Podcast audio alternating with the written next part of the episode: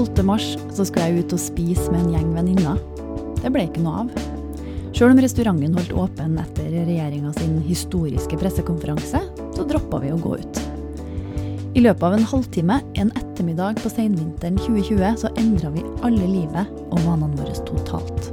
Og det var som ei rivingskule som slo rett inn i serveringsbransjen med full kraft.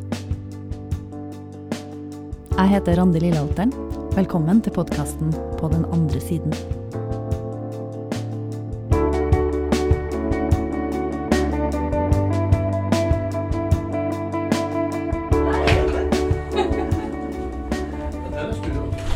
Våren 2020 har vært en katastrofe for dem som driver kafeer og restauranter og arrangementssteder. Krasjet er så stort at det kommer til å endre byene våre og måten vi bruker dem på, mener han jeg skal snakke med i denne episoden. Litt godteri i skåla. Og du også vanlig kaffe? Um, kaffe med melk. Ikke en ekte utelivsgründer vet hvordan han vil ha kaffen sin. Runar Eggesvik var med å starte opp Øyafestivalen, og festivalen som heter Piknik i parken og foregår i Sofienbergparken.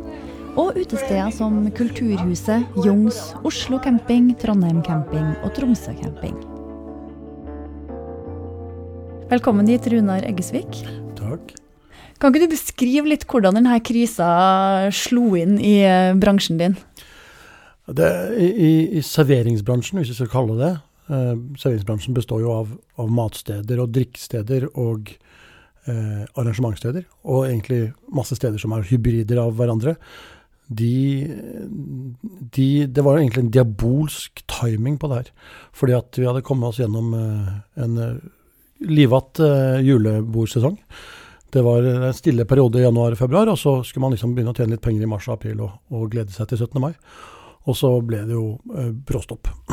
Og den bråstoppen, den, den, eh, den kom jo eh, Mange hadde begynt å se at den kom, og vår bransje er rett og slett veldig flinke til å, å, å endring, ha mye endringskompetanse.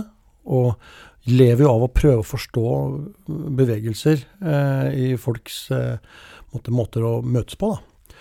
Og der, eh, men det, det, det, var et, det, var vanskelig å, å se hvor, hvor, bråstopp det skulle bli. Mm.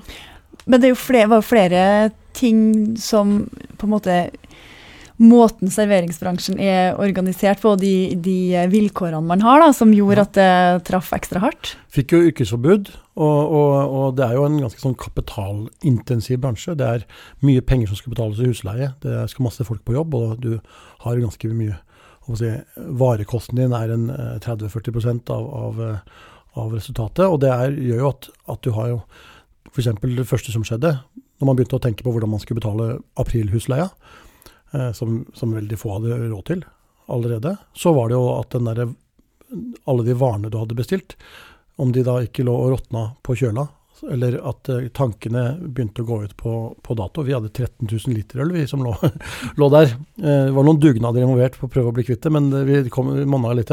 Men vi, vi hadde og, og, bare så at liksom den, den rullerende eh, leverandør, eh, leveransene bare kom og, og traff oss i rumpa.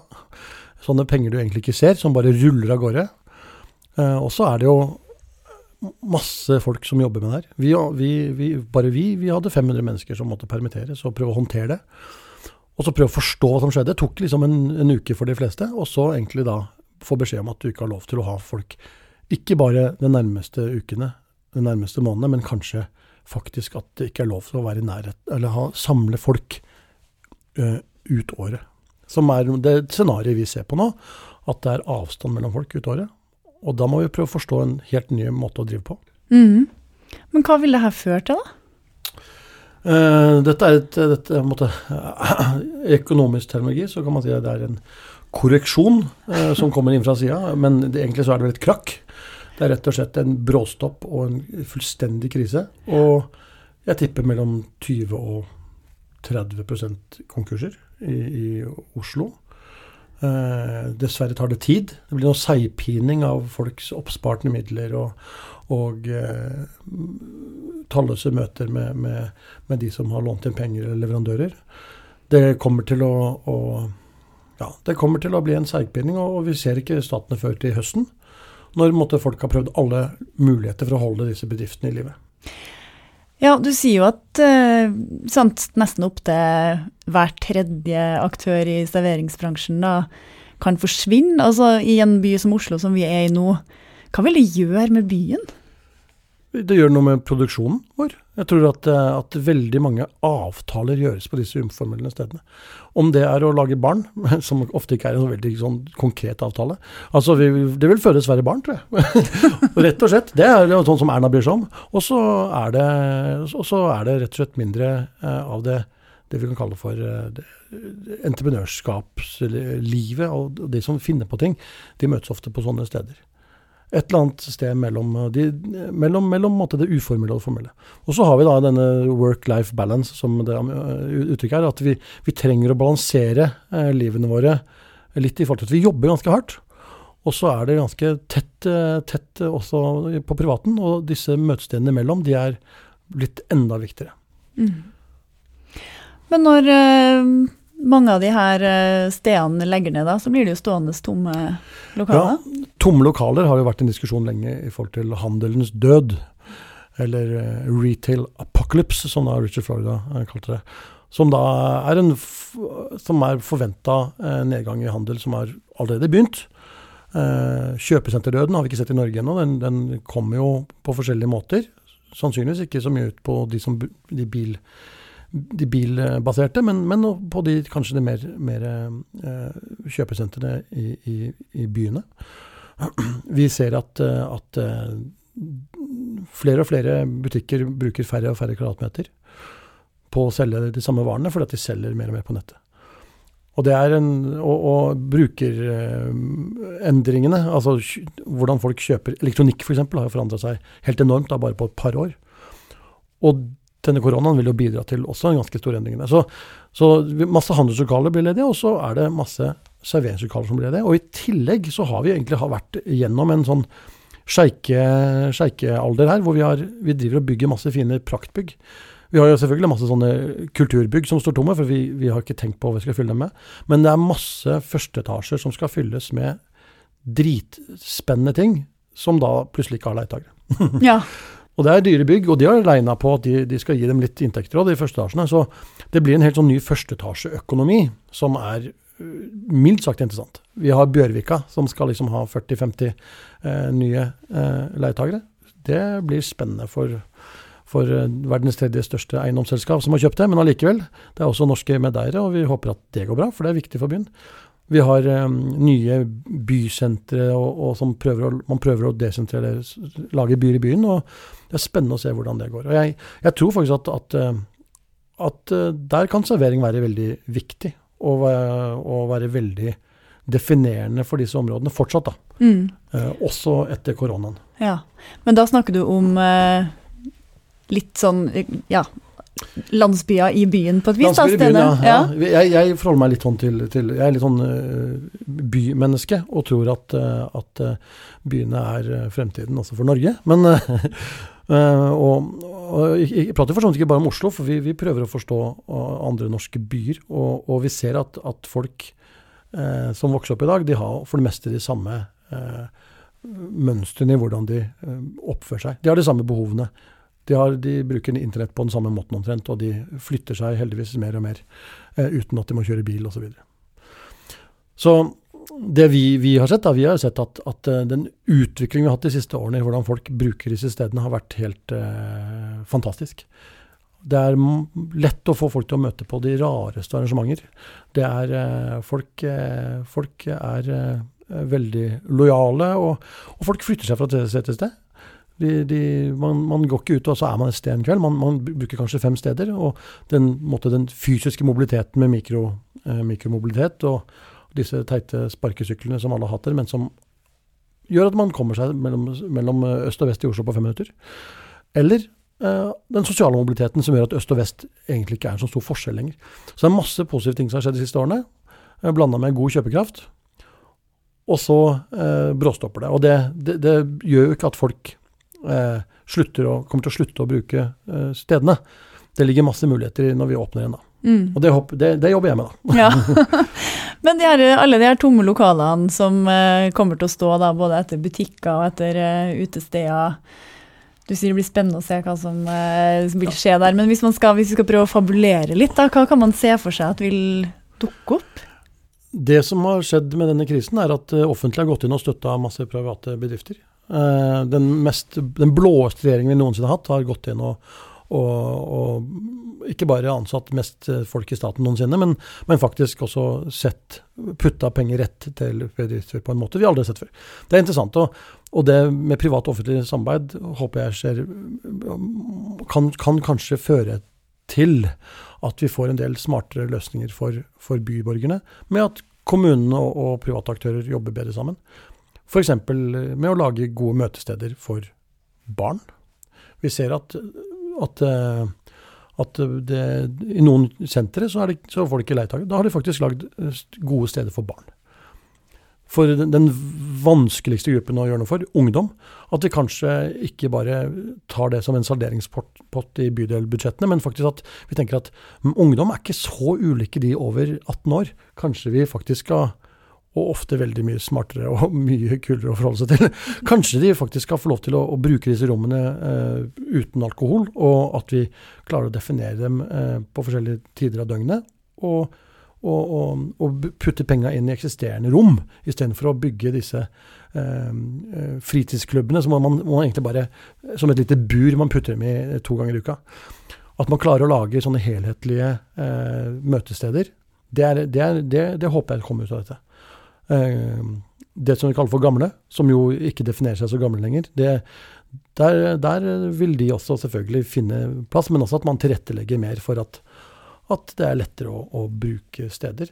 Sammen med barn og sammen med ungdom. Det, det, det, ligger masse muligheter i å tenke bedre på disse møtestedene, og et samarbeid mellom, mellom offentlig og, og privat. Mm. Men et av problemene som du har sagt, er jo at det er fryktelig høy husleie i bysentrumene rundt omkring. Og ja. hvis man skal få til de tingene du snakker om nå, så må jo kanskje da kan ikke huseierne regne med å få like godt betalt, kanskje, for de kvadratmeterne?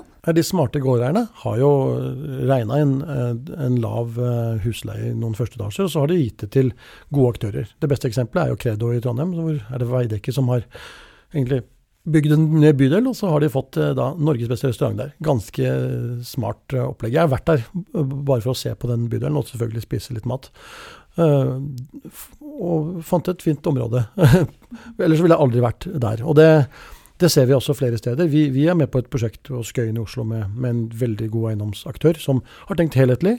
De har tenkt at de, de skal lage noen, de har lagd noen, noen seniorboliger for, uh, som, som, de ønsker at, at skal ha et godt tilbud. Og da fikk vi lov til å bli med å lage det, samtidig som vi skal være et møtested for befolkningen ellers i hele området, og være et sted hvor man både kan eh, ta en kaffe, eh, leke litt, eh, ha barnebursdag, eh, ha voksenbursdag osv. Og det er, det er, eh, Vi ser jo at, at, eh, med presset som er i sentrum, og altfor høye leier i forhold til hvor mange folk som kommer etter hvert, så blir de desentraliserte møtestedene viktigere, og spesielt etter, etter koronaen, hvor folk eh, jobber mer hjemme. Det er jo en kjempeusikkerhet nå. Hva kan politikerne gjøre for å, for å hjelpe denne bransjen og hjelpe livet i byen? Um, det er jo to nivåer. Det er regjeringsnivå, og så er det jo uh, bynivå, eller lokalnivå. Og regjeringen gjør så godt de kan. det, eh, det, var stakkars Røe som sto i går og, og, sa at vi har jobba så fort vi kan. Uh, og det er det, det, forstår man jo. Uh, at det er, når det plutselig kommer noen hundre tusen arbeidsledige, så er det ikke så lett å få betalt ut penger og sånt. Men uh, når det gjelder det lokale, så handler det egentlig ikke bare om å kaste penger etter folk. Det handler om å kaste, kaste noe av våre felles områder, f.eks. Nå er det sommer. Det kommer til å vare en stund. Det, begynner, det, det blir varmere og varmere. Uh, jeg kan ikke forstå hvorfor man ikke uh, setter i gang en storstilt uh, satsing på uterom og, og, tildeling av det. Ikke minst fordi at vi har, så, vi har Folk er hjemme. Vi har fem millioner som er hjemme nå. og de skal bruke disse uterommene. Og det blir fullt i parkene. I California har de stengt veier for at det skal være plass til folk i dem. Så vi har et behov for at folk møtes trygt eh, med god avstand til hverandre, da må vi eh, gjøre det lett å få noen rom for det. Så det er helt absurd at vi ikke gjør mye mer med det. Og at det ikke er noe proaktivitet der. Det er det ikke. Eh, også politikerne, dessverre. Eh, selv om de har fått eh, inn, innspill om det. Så jeg, jeg, savner, jeg, savner, litt at man jobber veldig tett sammen for å prøve å komme oss gjennom dette. Eh, selv om alle har sine utfordringer hver for seg. Det er masse tomme bygninger. Uh, det er masse tomme torg. Det, er, det, burde vært masse tomme gater som kunne stengt for å lage aktiviteter og servering og byliv. Mm. Men denne koronatida vi er fremdeles inne i, da, hvordan har vanene til folk endra seg, sånn som du har sett det? Bortsett fra at de går mer på polet, så har jo folk akkurat det samme behov for å møte andre folk. Eh, de har blitt flinkere til å møte folk på videomøter, det vet vi jo. De har blitt flinkere til å planlegge, for de har blitt tvunget til det. Eh, og mange syns det er ganske trist at de må planlegge alt. De har blitt eh, flinkere til å bestille, om det er mat og alt mulig, på nettet. Og det vil jo selvfølgelig spille inn negativt på handel, og positivt sannsynligvis på, på, på servering håper jeg. Folk har blitt mye mer bevisste på nærmiljøet sitt. Det hører jeg overalt. Og eh, vi ser også at, at måte, de som har en lokal tilknytning av, av, de møtestedene, har blitt mye, mye viktigere. Folk har slått ring om, om møtestedet sitt. Eh, noen steder har, de, har, har, har man jo samla inn flere hundre tusen kroner for å opprettholde det. Eh, og tatt disse ølene har man tatt og bare sendt over penger og, og så, sånn som Et sted som Lasten i Oslo har hatt en spilleliste hver fredag. Og så har man slengt inn noen, noen, noen, noen halvtre rett inn på konto der, og så, så, de kan drive videre. Det er fantastisk. Men hva er det folk har behov for da, i nærmiljøet sitt, når man bruker det mer nå? Det vi ser på undersøkelser som er gjort eh, en del av eh, rundt omkring i bydeler i Oslo, så er det tre ting som går igjen, eh, etter iallfall det jeg liksom er fram til det er at folk ønsker selvfølgelig bedre møtesteder for ungdom. Alltid. Uansett, uten unntak, hvor du er i Oslo. Eh, både øst og vest. For det andre så ønsker de eh, noen gode møtesteder, møterom, arrangementssteder. Noen sånne nøytrale soner man kan gjøre alt mulig. Eh, de fire b-er. Bursdag, begravelse, bryllup og barndom. Men så ønsker man også det er viktig for noen, de ønsker seg en pub. ja. altså det uformelle, det, måtte, det, det, romantiserte uformelle møtestedet, kan vi kalle det. Mm. Men uh, vi søker trygghet i nærmiljøet, og vi uh, bestiller bord. Vi er mindre spontan fordi vi ikke kan være det. Hvordan tror du vi kommer til å endre utelivsvaner på lang sikt, eller på lengre sikt? Det vil, det vil jo ikke bli en, gå tilbake til det samme. Det er en ny normal som vi må forholde oss til. Og den, eh, jeg er redd at, at det blir mer strigla. Det er mange som syns det har blitt strigla allerede når man måtte stenge klokka tre. og det ikke var noen steder å, å snike seg inn etterpå. Eh, jeg, jeg syns det har vært bra at det har vært eh, ryddig, og, og, og, det har vært en fin blanding av at folk kan være seint ute i Oslo, med at, folk, at det har vært strengeregler. Det har vært bra. Det har vært en opprydding i en, en rufsete bransje som nå har blitt veldig, veldig ordentlig. Og jeg, jeg, er redd for at det blir forstigla, at, at, at, det u, uplanlagte blir borte. For det uplanlagte er så viktig i folks liv. Når de har en, en tidspunkt de må gå på jobb, og de kan måtte ha tatt med seg en matpakke eller noe sånt nå, og så skal de hente i barnehagen på et eller annet tidspunkt. Det er viktig at de kan kunne gå ut og ha et sånt frirom. Eh, og det, det rommet blir mindre, dessverre. Men kanskje det blir flytta nærmere folk. Og det er jo uh, positivt, altså. At man får de stedene ja. i nærmiljøet sitt i stedet for nede i sentrum? Ja. Og så, Det er jo mange som blir borte fra denne bransjen. Og det betyr at det blir masse ledige rom. Og det betyr at det er masse uh, folk som kanskje ikke hadde kapital eller mulighet til å gå inn før, som kan ta i bruk ideen sin og fylle, fylle noen rom med det. Det er jo veldig spennende. Kanskje også det Vi, vi har jobba mye med, med, temporære rom, om det er Sukkerbiten, hvor vi har uh, jobba med og en parkeringsplass som vi har gjort om til et uh, sommersted. Eller uh, måtte Kulturhuset som vi starta i en to og en halvt års kontrakt i et rivningsklart bygg, eller Prinsen hage som vi jobber med kommunen. Hvor vi prøver å forstå hvordan vi kan ta i bruk et, et stort, en stor bakgård uh, sammen med, med, kommunen. Og der er det, der er det måtte, Da blir det, det er forskjellige spilleregler for hvor man er, men, men eh, da vi å, har vi prøvd å ta med oss eh, andre eh, som medeiere som, som, har noe energi og noen ideer som de kan bruke. Så det vil, det vil, det vil komme masse, masse, nye ideer, masse nye entreprenører, masse nye eh, gode arbeidsplasser ut av, av denne krisa. Eh, heldigvis, da. Det vet vi jo. At uh, under askan glimmer grøden, som, gløden, som Ulf Lundell sier. Ja. ja. for vi er veldig mange som savner de der eh, klemmene og litt trange, trange plassene, altså. Så det, det, blir spennende å se når vi kommer tilbake dit. Og spennende å se hva du og dine kolleger i serverings- og utelivsbransjen får til. For det blir sikkert en liten revolusjon, vil jeg tro. Det blir en, det blir en, en, ny, en ny, normal. Mm. Tusen takk for at du kom hit til hotellstudioet vårt, eh, Runar Eggesvik.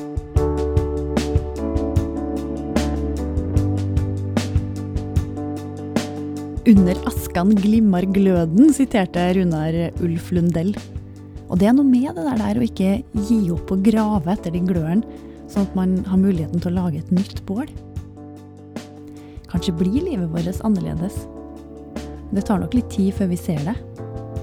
Erik Knut fortalte i forrige episode om all innovasjonen som skjedde på 1920-tallet etter første verdenskrig og spanskesyken. Men man så jo ikke de resultatene med en gang. Når så mange bedrifter vil gå konkurs, og så mange vil miste jobben, så vil det også skje noe med arbeidslivet. Det har professor i sosialantropologi Thomas Hylland Eriksen tenkt en del på. Jeg ser for meg flere muligheter her. Jobbe litt mindre, minimumsinntekt eh, og nye former for arbeid som er meningsfylte for den som utfører dem, som er eh, nyttige for samfunnet, og som er karbonnøytrale. Han får du høre mer fra i neste episode. Produsenten for På den andre siden heter Kirsti Svenning. Jeg heter Randi Lillealteren, og han som har laga musikken til serien, heter Anders Bang-Kertzner. På den andre siden er laga av historiebruket for Agenda Res Publica Media, og redaktøren heter Halvor Fines Rettvoll.